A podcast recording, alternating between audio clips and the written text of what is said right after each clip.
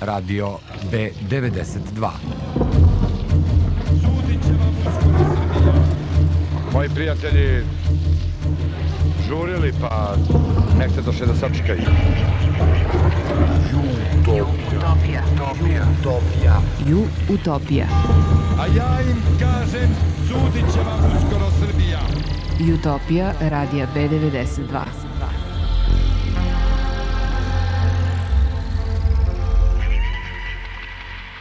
Dobar dan. Ne čujem dobro. Uhapsite Vlasija. Ne čujem da, a, bit će, sutra ćemo ga uhapsiti. To je već i đavo odnio šalu. U današnjoj Utopiji govorit će vam Dušan Kovačević, srpski pisac, Bogdan Tirnanić i Petar Luković, novinari, Predrag Simić, ekspert za međunarodne odnose i pridruženi član jugoslovenske delegacije na pregovorima u Rambujevu, Zagorka Jovanović, službenica. Utopija radija B92.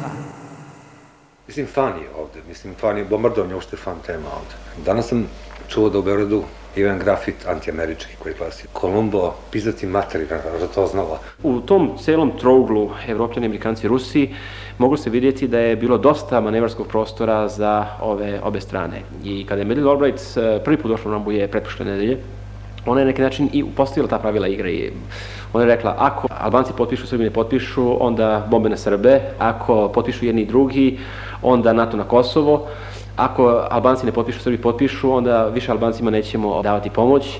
Onda je neko čim se publike dobacio, kaže čekat ćemo novi račak, ovaj, pa ćemo onda sve iz početka. Ali već samim tim su obe delegacije bile, kako kažem, dovedene u jednu vrstu dane igre. Drugim rečima, igra je bila u tome da ja prvi stignem do onoga nivoa dokumenta koji meni omogućava da, da kažem da, da, ali, da, možda ili šta ga znam, ali ni pošto da ne kažem ne, a da onome drugom prebacim vruć krompir u ruke i da on ostane znači, na kraju da kaže ne i da bude odgovoran, jer time je već bila određena reakcija NATO kontaktne grupe međunarodne zajednice i tu je praktično došlo do tog te ping-pong diplomatije, kada bi se postavilo pitanje a šta posle bombardovanja, a onda bi recimo francuska rekli pa kaže to je, to je pitanje kaže jer mi smo sve pošli mirovne snage, ali niko neće da, da, da izvrši invaziju na Jugoslaviju, agresiju na Jugoslaviju, dok su Amerikanci razgovarali, kaže da mi prvo bombardujemo pa ćemo onda vidjeti šta ćemo dalje.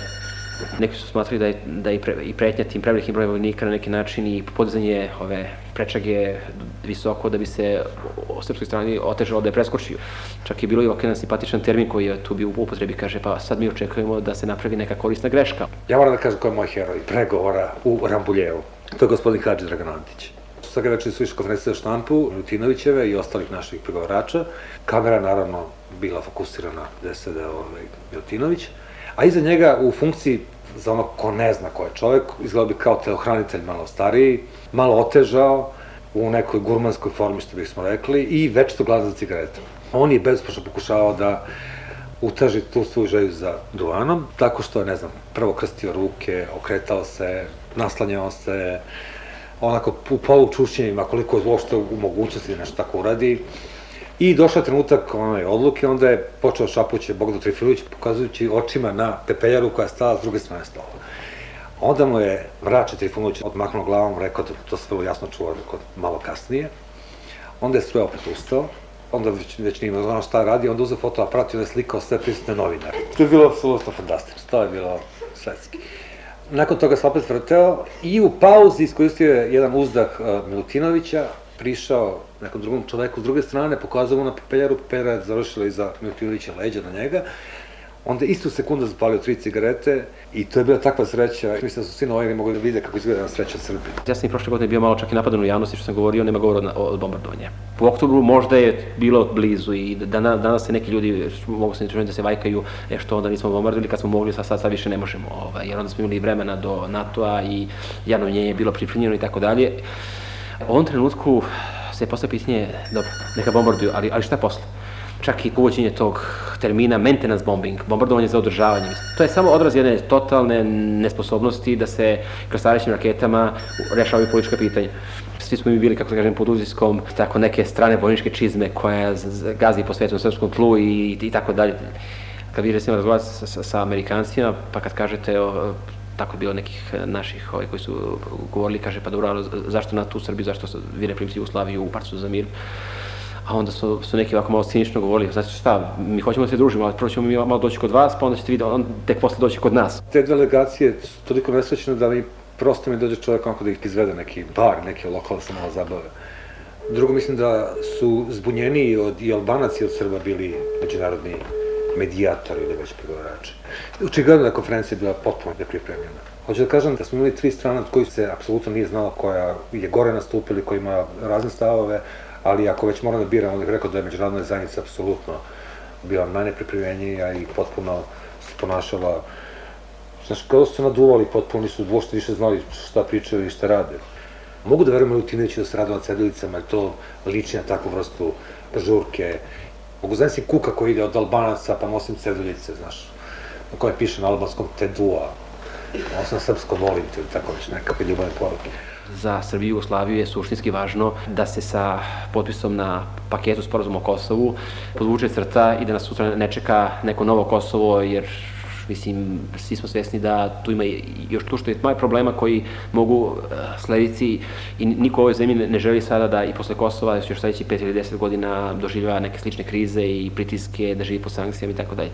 Drugim rečima, mislim da je tu veliki problem, znači, što se sasvim kategorično zahteva NATO, 30.000 trupa, tenkovi, šta ga znam, na Kosovo, a za ostalo, kad vi potpišete, onda, onda, onda ćemo se dogovoriti. To jednostavno, mislim da niko ne bi iz ove zemlje mogu da potpiše, u krajnjoj liniji tu podršku ste, su u tome dali i evropljani, ali s druge strane mislim da e, bi u nastavku, pogotovo i sad ovom time-outu, do, trebalo sasvim jasno reći da se konačno ta Evropska unija izjasni da kaže šta oni zapravo ovde hoće. Jer oni samo žele da ovde zatrpaju sa nekih NATO vojnicima konflikt, da im sutra ne bi u Nemačku recimo ili u Italiju došlo još par stotina hiljada izbeglica ili, ili više ili oni zapravo stvarno žele da dugoročno ovaj prostor srede na onaj način koji bi bio interesu. Tirol je lep, ali tamo, tamo Rim sa, svake, svake godine svakom Tirolcu 3000 dolara da ovaj, bilo u smislu oslobađanja od poreza, bilo u smislu beneficija i, i tako dalje. Na tome, ako je Unija stvarno spremna, i ako je ona spremna da to javno kaže, dokumentuje, onda ovaj, da oni žele da prime i, i nas, i Kosovare, i Albance, i šta ga znamo u, u Evropsku uniju, u tom slučaju ja mislim da će nam biti mnogo lakše. A ovako, ako je samo poruka dobit ćete NATO, a posle ćemo da vidimo šta, šta ćemo i, i kako ćemo, tu onda zaista ja mislim da teško imam prostora za bilo kakve ozbiljne pregovore o implementaciji. Ono što je jako bitno i to bih preporučio onima koji imaju živaca da pronađu negde. One papire Hilove koji su već bili objavljeni kod nas u ovoj formi da pročitaju te papire koji predviđaju to buduće rešenje Kosova kao nečega u okviru Jugoslavije. Ono što je zanimljivo to je da je to komplikovano za svakodnevni život. Naime, ono što je problem, i ako se to reši, ako se to potpiše, to je neostvarljivo. Manje je značajno u ovom trenutku po meni da li će 28.000 vojnika to obezbeđuje od činjenice da se tamo neće znati ni kopije, niko plaća.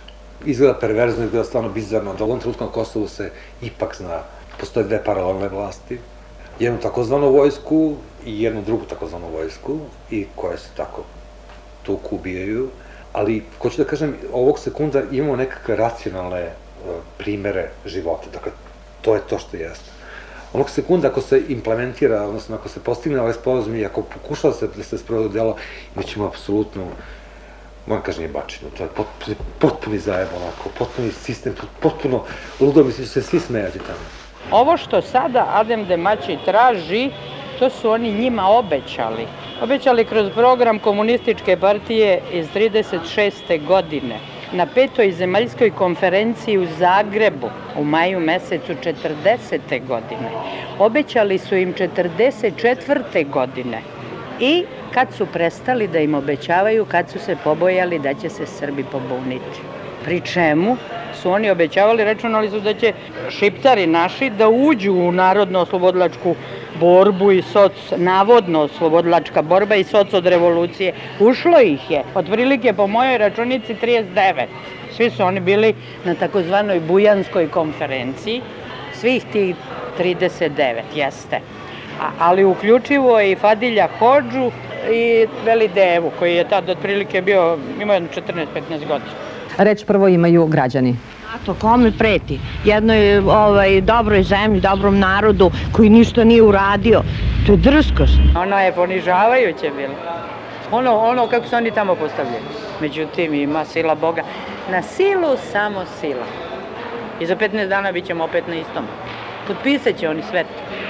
Šta im znači ono, ako kažu nema odcepljenja, a nema, jer glupo je verovati da će sada Slobo i Tuđman se dogovorili u Karadžorđevu da stvore veliku Hrvatsku i veliku Srbiju, a stvore veliku Albaniju. Pa to baš nema smisla.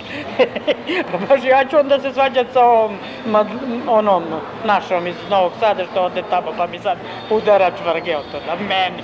Ma da bi vredelo to da uđe u istoriju. Slobo i Vranjo stvarali veliku Srbiju i veliku Hrvatsku i stvorili veliku Albaniju. Onda bi žao oka Kire Gligorova.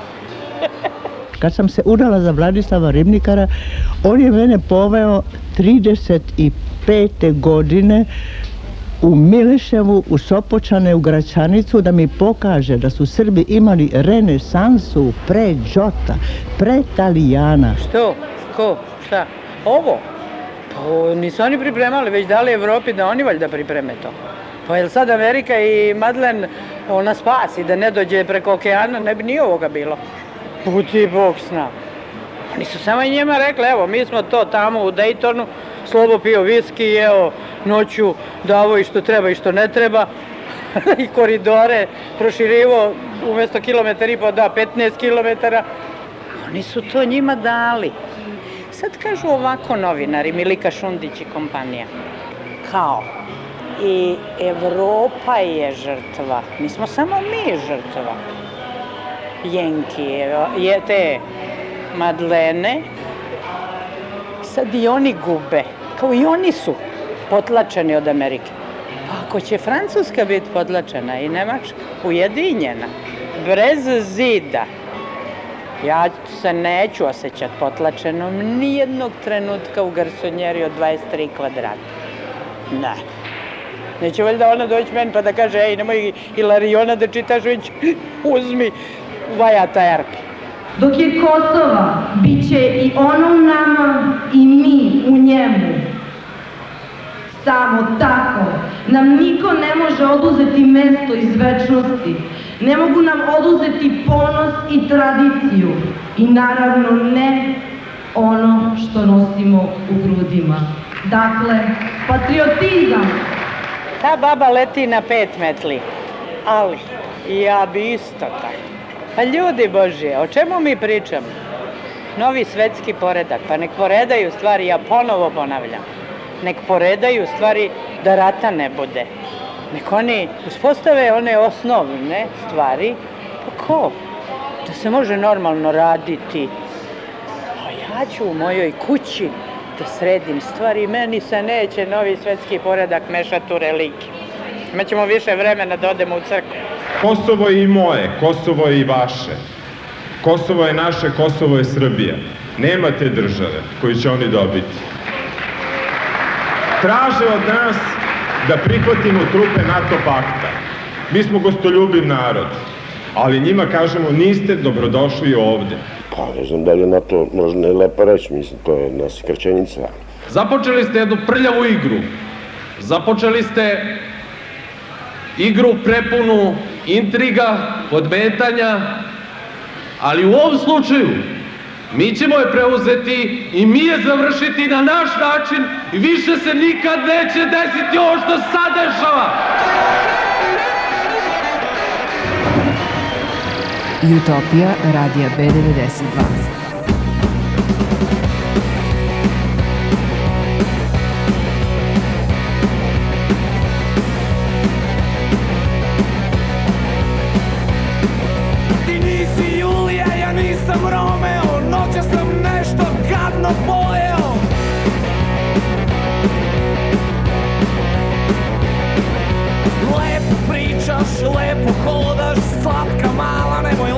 Nemoj lako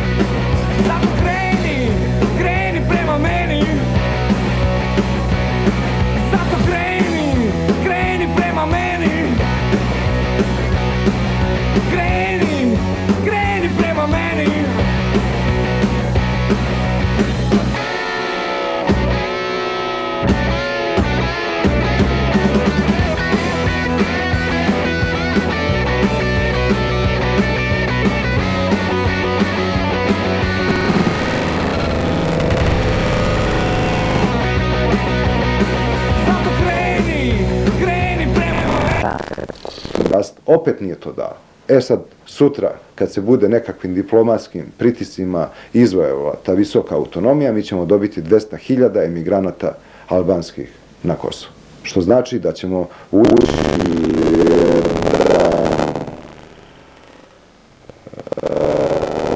koji nije pitanje godine ili dve, on može da se obavi za 10 godina, i za 30 i za 50 godina.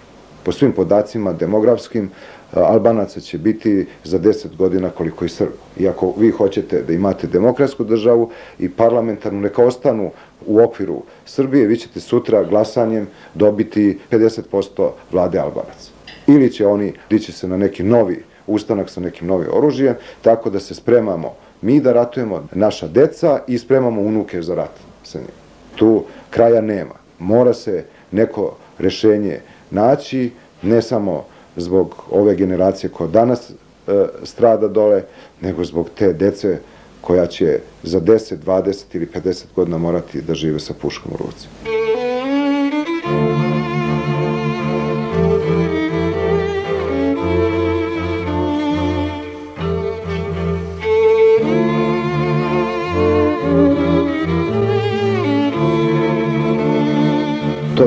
Onaj mitski čvor, znate, koji možete da presečete mačem. To je jednostavno uvezano u tu celu priču e, nekoliko istorija, nekoliko područja, nekoliko naroda.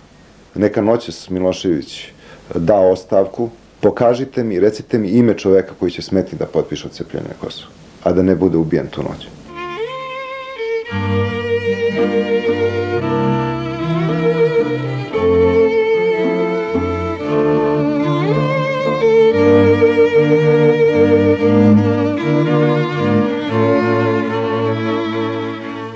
Može da bude rat narednih pet godina, narednih deset godina?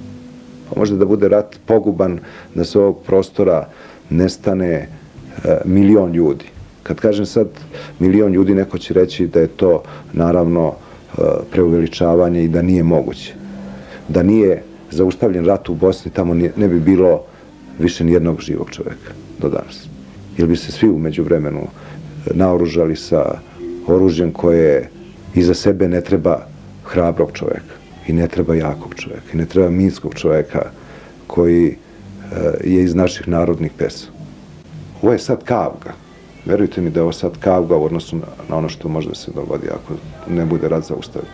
Pretpostavimo da sad dole dođe u narednih 15 dana do nekog velikog obračuna, do nekog velikog stradanja i da sve treši stvarno na silu da uđe sa trupama u Srbiji. Srbiji bi se verovatno ponovilo ono što se već dva puta ponavljalo u istoriji. Ponovilo bi se 914. godina, kada smo stali na put Austro-Ugarskoj. Sada ne objašnjavamo ko je u pravu. Pričamo samo o posledicama. Posledica današnjeg stanja u Srbiji je prvi svetski rat. Tad je nestalo ono što je, što se zove najvitalniji deo naroda i jednostavno tad se Srbija urušila u sebe. Zatim drugi svetski rat. Ide najmoćnija mašinerija kroz Srbiju traži prolaz prema Grčkoj. Sve zemlje daju. Englezi izvedu, uspeju da izvedu manevar da ne bi bila napadnuta Engleska, da izađe deseta hiljada ljudi i da se poture pod tu mašineriju i naravno Nemci nas pregaze. Žrtava je opet bilo oko milion.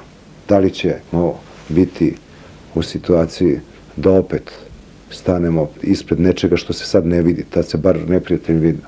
Znate, sad bi bio rat sa nekim koga apsolutno ne vidite i bio bi jedan veliki, strašan eksperiment nad srpskim narodom.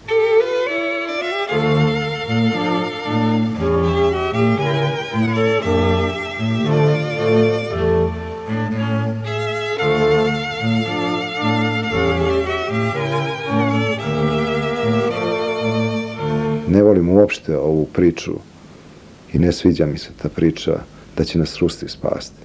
Rusi nas spašavaju ceo ovaj vek i bolje da nam nikad nisu spašavali.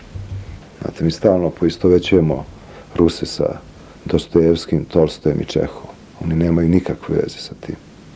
Zapravo Rusija od 917. godine ne postoji. I danas čovek koji vodi Rusiju je čovek koji je potpisao da se sruši dvorac u kome je streljana carska porodica ruska. Kad je u stvari počeo propast Rusije. Jelcin je potpisao tu naredbu i on je ruski nacionalist. Jedan čovjek koga ujutru naviju kao zeca i ceo dan juri i obavlja neke poslove, onda kad mu se ta mašina isključi, onda ga puste da spa, pa ga opet ujutru naviju i prema ruskom narodu koji je gladan i koji živi od kredita i očekuje kredite, znate, ponašaju se dosta ironično i cinično i ta pretnja Rusa da će zbog nas upotrebiti atomsko oružje e, nije uopšte dostojna jednog ozbiljnog ruskog odgovora, jer trebali su da upotrebe, ako su već želeli oružje, mnogo puta ranije zbog sebe, pa nisu upotrebili. Neće zbog nas, sigurno. Nego, verovatno, pokušavaju da izvuku one kredite koje Gorbačov nije uspeo da izvuče kada je dozvolio Nemcima da se ujedine.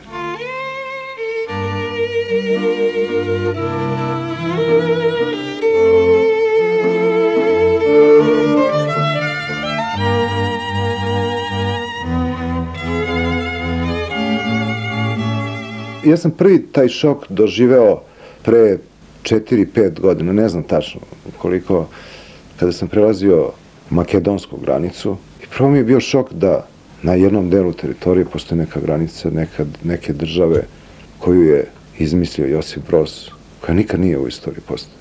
Zatim, ajde, prošlo je to i čovjek prođe kroz taj prolaz, da pasoš, do jučerašnjih komšija te pogleda, gledati sliku da li si ti taj i kaže, ajde, prođe kroz moje dvorište.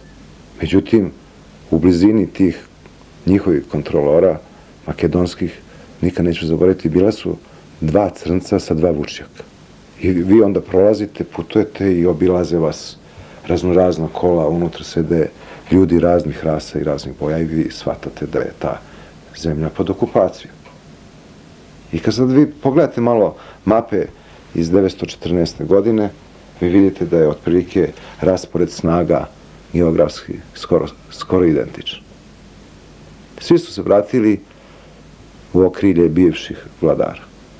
I Srbija je opet negde na vetrometini između istok i zapad.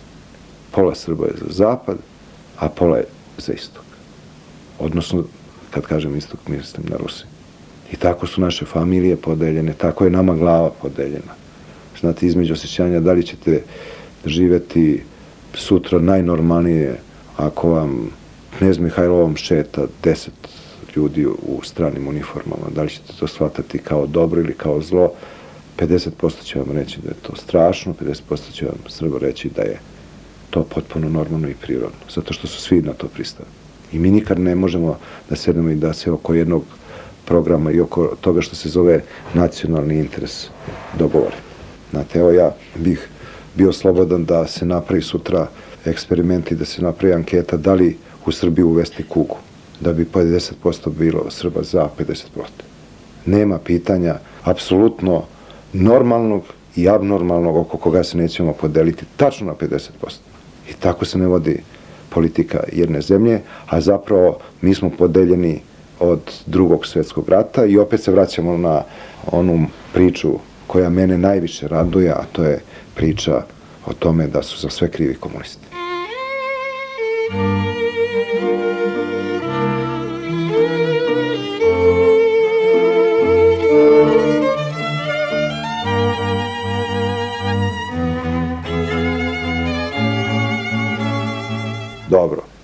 ajde da zaboravimo na emocije, nego šta ćemo mi sa parama. Znam i tekako puno ovih novih ljudi koji su danas na nekakvim takozvanim rukovodećim mestima i odlučuju o sudbinu ovog naroda, da pre deset godina nisu imali dve cipele. Znate, jednu cipelu su nosili jedan dan, a sledeću sutradan, parnim i neparnim dani. E ti ljudi su danas među bogatim ljudima u Evropi.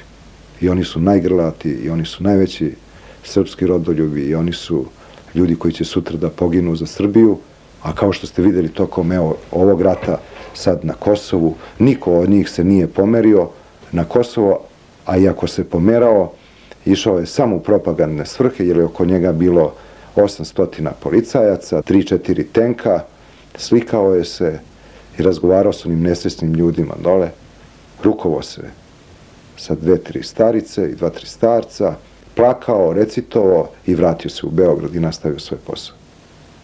Po porodicama su se ljudi delili iz ubeđenja da je ovaj za monarhiju, a ovaj je za komuniste, pa su komunisti ratovali sa monarhistima po kućama da bi se danas ustanovilo da niko tu nije ni monarhista ni komunista. Da je tu samo postao jedan interes koji se zove novac. I opet se sve slilo u jednu kasu. Odakle se tako deli kao prosjacima po dinar dva mesečno. I sad kad vi to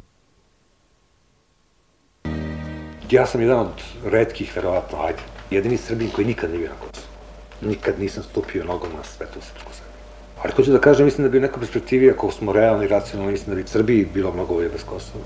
Ne samo zbog nataliteta i albanaca i zbog načina života i zbog nemogućnosti da se uspostavi pravi kontakt, već naprosto čini mi se da opterećenje Kosova kao mita koji postoji ovde, koji se poteže uvek odavde, od, ne znam, izjave gospodina Strikovića, koji kaže da je Kosovo već u svakom od nas, prema što su se rodili, da je tu začeto već nešto. U meni nije. Jebi ga, otac i majka su nešto zajedno. Ali, hoću da kažem da ta vrsta manipulacije s Kosovom je i dovela do toga da o Kosovu govore, ne znam, mladi Valjeva, mladi Beograda, mladi Novog Sada, koji nikad u životu su bili da imaju želju da do toga. Da li ih ovih deset godina iko ikada pokušao da razgovara sa Albancima na nivou 87. godine, kad je bilo u pitanju samo nekakva kulturna autonomija, kad je bilo u pitanju samo, ne znam, školstvo, televizija, relindija, nekakva mala vlast u okviru njihove skupštine i tako dalje. Ne. Ja moram kažem, moje, moje iskustvo sa Albancima, tokom 90. godina, kad sam relativno dosta putovao po Evropi, kad sam dosta sretao ljudi, su bila strašno. Tu je bilo da neko iz Srbije da automatski pripada ovom režimu i da je automatski deo tog režima, bez obzira što on radi budući da ja nisam bio u vlasti i budući da gomila ljudi nije bilo u vlasti i da nije odlučio o tome, ne osjećam se ni malo kriv zbog toga. Ali hoću da kažem, kad jednu stvar zapustiš, makar to bila i mitska stvar kao što je Kosovo, potpuno logično da dođe do situacije u kojoj se sada izvode, ne znam, džaci, penzionerke, domaćice, bolesnice, amputirane žene, pojma na neko sve izvodi, da da podrška Miloševiću, a da niko od njih ljudi ne pita, dobro, pa gde je bio Milošević 87. godine, 88. godine, Mislim, Kosovo u našim medijskim prostorima počinje od prošle godine. Kao da je uvek bio savršen red i mir, kao da je sve bilo fantastično i kao da su Albanci ceo života nosili testeru i rezali Srbima drva. Mi možemo očekivati sa albanske strane još veću količinu animoziteta kao to što je moguće. Moguće. Just a perfect day Problems all left alone weekenders on our own. It's such fun. I tu dolazimo do ovog čuvenog pitanja, obiljnog pitanja Medan Obred, kad ćemo mi doći na Kosovo, tako sa 28.000 vojnika. Ko je u mogućnosti danas da razruža OVK? Zašto Srbija već nije razružila OVK u svim ovim mesecima prethodnim, ako već mogla, dakle, kad nije bilo pretnji, kad je bilo pretnji, dakle, kad su mogli to da rade, pre verifikatora. Ako Milutinović kaže, u Parizu da su to neke male tri grupice formirane, ne znam, nekim malim teritoricama koje ćemo mi lako uraditi, pa zašto već to niste uradili? Dakle, to je pitanje praktično, da li će to naši da rade, a ja ne mogu da verujem možda u neku vrstu sporazuma koja će jedna strana od, od, od dve da obavlja posao zajednički za sve, to malo mi izgleda blesavo. Znaš, to je recimo kao u ratu Vijetnom, kad bi Amerikanci i Vjetnamci sad odrede Amerikanci sprovode sporazum o miru Vijetnamu. Izgleda malo blesavo da su Amerikanci i Vjetnamci, da, mi smo toliko daleko kao Amerikanci i Vjetnamci. just a perfect day. You made me forget myself. I thought I was someone else, someone good. Ako bi me pitali da li sam optimist i pesimist, mislim da nisam ni jedan, mislim da sam onako umoran od svega, to mislim da to osjećanje koje svako ima ovde. Mislim da je Kosovo onako, bar želim da verujem, poslednji neki deo problem Srbije i mislim da što se pre rešimo to problema na bilo koji način, ocepljenjem, davanjem, deljenjem, množenjem, dizanjem na kub, pojma nevim kako, mislim da Srbija tek onda ima neku šansu da počne normalno da živi. Oslobodili smo se Srpske krajine, budemo cinični, Republike Srpske, Istočne Slavonije, više ne znam koga. Imali smo ambicije da odemo i na kupu i do, po grafitima i do Bona i do srpskih moravica i do ne znam do koga. Sad kad smo se smestili na ovom malom prostoru, kad smo homogeni, što bi rekao Mihajlo Marković, ajmo onda iskoristimo tu priliku da se oslobodimo svih balasta i da budemo ono što jesno. Mislim da je već postao neizdržljivo i za bilo koga ko živi ovde, koji je najviše živaca, da doživljava stalno priče. Da će biti bombardovanja, da li će biti pretnje, da li će biti vojnika, da li će Marka sledećeg dana, što nemaš pojma, da bude 25 dinara ili 30. Nikad nisam imao ambicije da živim u nekoj bilo kakvoj velikoj zemlji, da živim samo u normalnoj zemlji. U tome rad među mene i godina sveta. Uopšte me ne interesuje kolika je zemlja, već kakva je. I mogu da kažem da bih mogao da živim bez Kosova sasvim mirno i sasvim spokojno i sasvim potpuno normalno. Ne bi mi Kosovo nedostajalo, niti bi ja nedostajao Kosovo. Oh,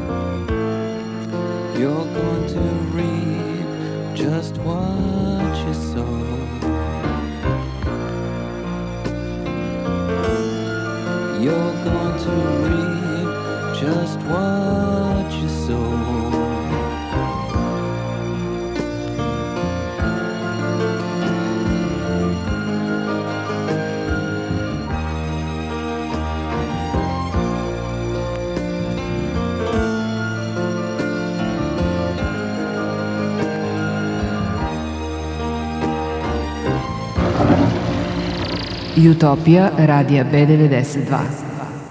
U ovoj utopiji govore Dušan Kovačević, srpski pisac, Petar Luković i Bogdan Tirnanić, novinari, službenica Zagorka Jovanović i Predrag Simić, ekspert za međunarodne odnose.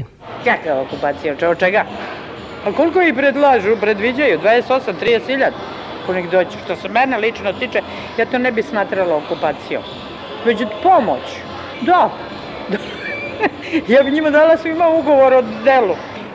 Slušajte vi, kad oni dođu pa odu, a moraju, neće oni ostati 100 godina, čak i da se požene tu, pa unutra deca će im požel da se vrate, vid babu i deta. E, moramo stvarati Balkansku federaciju. Znali kod Daytona gde su svi bili zatvoreni u kasarni i gde su imali samo Budweiser pivo, koje je najgore pivo na svetu. Ali ovde se čitav skup održavao u blizini Pariza ili prestonice svetskog glamura u jednom velikom zamku sa francuskim kuvarima iz Elseske palate, sa konjacima i odličnim vinima. I konačno sa verovatno obavezom nekih učesnika da doprinose tom ovaj, spektaklu, tom programu. Dimenzija predstave oličena je i u samom eh, sistemu pregovaranja. Jeli. Pregovaranje je vršeno tako da se do njega zapravo ne dođe, da se dve delegacije ne susretnu i da onda glavne role dobiju iznosači tacni, što je u pozorištu ili poslednja uloga, a ovde su oni bili glavni koji nose na tacni razne papiriće i trče od sprata do sprata. To da te dve delegacije ne dođu u kontakt je ovaj, bilo eh, izraz saznanja međunarodnih posljednika da će te dve delegacije i ovako raditi u koordinaciji. Tek kad jedan prihvati sve, drugi je u škripcu, pa su se podelili, jedni nisu prihvatali političko rešenje, drugi nisu prihvatili vojno rešenje i dok su se tako podržavali, gospođa Madre Olbet je mogla samo da menje šešire u zavisnosti od vremenskih prilika u Rambujevu, koji su bile, da bi predstava bila potpuna, vrlo hirovite, što bi rekao izveštač politike, u Rambujevu sunce i sneg.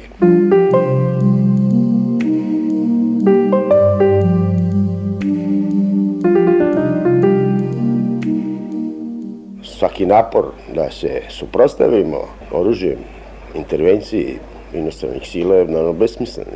Budući da prvo niko neće ide u vojsku, drugo ta vojska je slabo naružena, zastarela i tako dalje. To je jedno, naravno, junačenje, od koga će prvi odustati oni koji sada o tome najviše galame. Sad sam negde pročitao baš jutros da neće biti iznadženje ako kad dođu NATO trupe se šeši poju u uniformi NATO pakt je tvrdi da on uvijek tvrdio da je da je to najbolje za nas i tako dalje. Ja mislim da one konačno neće doći, da će doći pod nekom drugom zastavom, da će to biti neka verifikacijona komisija, samo što ćete imati umjesto pinkala i fotoaparata imat će malo te B-92, nije kako se zovu te bombe. Te NATO trupe svuda postoje, ali ljudi odlaze u bioskope, kupuju Armanijeva odela i tako dalje i tako dalje. To se naravno sve da preživjeti, što nije ošte ništa prijatno i ništa što je poželjno, ali čak i u najgorem slučaju sa tim poniženjem, to je bolje nego voditi jedan neobjavni rat na sobstvenoj teritoriji protiv sobstvenih građana deset, desetljećima bez ikakve mogućnosti da se on pozitivno završi. Naprotiv, on će da eskalirati samo u jednom pravcu, ne u pravcu rešenja kosovskog pitanja, nego u pravcu broja mrtvih. Jel? Je to sama priroda nasilja. Ono mora da eskalira, inače ga nema. I tamo gde postoji malo nasilja, ono uvek ide ka tome da bude sve više nasilja, što je u stalom specifična jedna grozna primjena drugog zakona termodinamike.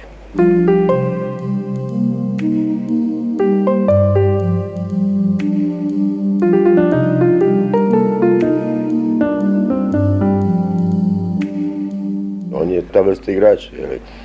Samo nikada nije išao na babank, jeli, kako bi to rekli. Njegov blef je uvijek izustavljen, kod sirpota ili kod morpota.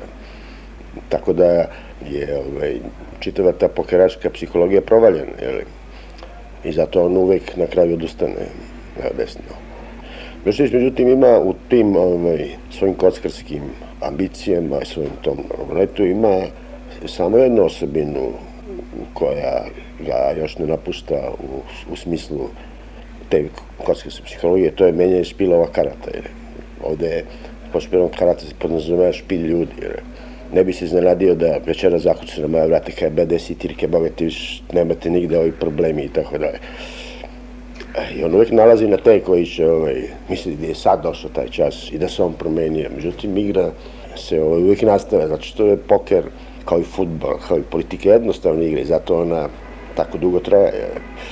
Vrlo je teško ovaj, kad uđete jedan put ovaj, u to kolo izvaditi su ostalom čuvena kockarska poslovica glasi nije mama tukla Mikiću što se kocka nego što se vadio. Jer, znači nema izlaska iz tog kola, stalno se vadite, aj sad, sad će, sad daj tur de gras, daj još jednu ruku i tako dalje. I on u tome epohalno, epohalno je li uživo. I sama činjenica da je dajući neke ustupke, bacajući kartu špil, ovaj, pobedio više puta po znaku naroda, stvara kod njega tu opasnu iluziju da će ta igra već to trajati. Ovaj. I on naravno ne može da prekine. Tim pre što i ostali igrači za stolom stalno tvrde da on ima kece iz rukava, da je dosadan igrač, da više ne mogu s njim, ali šta se da rade? Da traže nekog novog, ne da im napamet, jer s njima naučili su na njega. I oni kukaju protiv njega, ali kažu uvek, slobo ti deliš.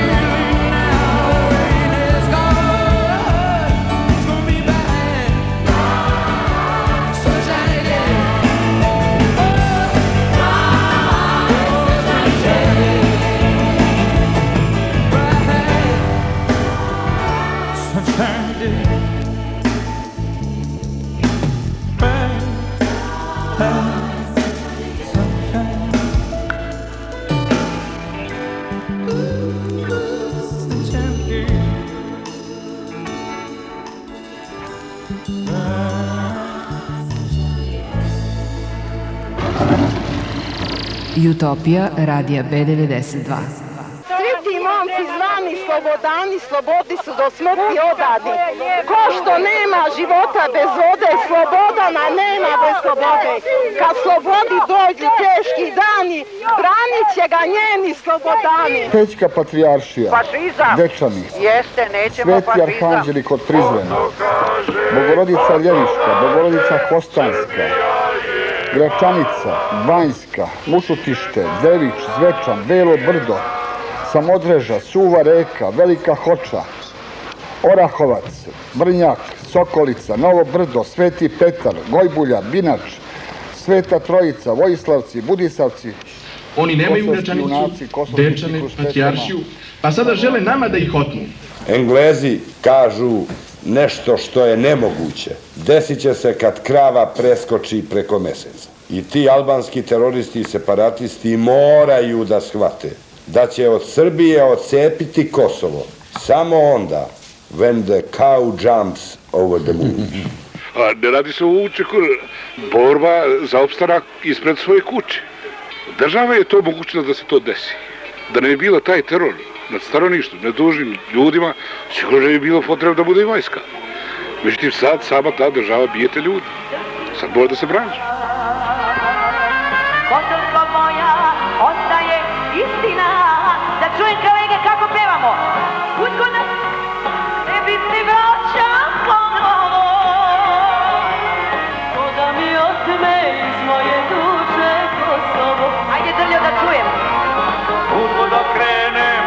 Se vraćam ponovo.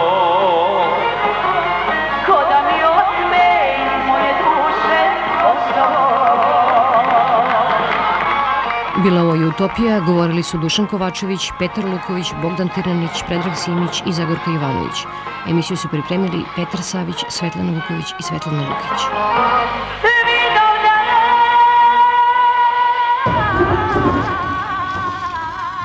Radio B92. Moji prijatelji žurili, pa nek se došle da sačekaju. Utopija. Utopija. Ju Utopija. A ja im kažem, sudit će vam uskoro Srbija. Utopija radija B92.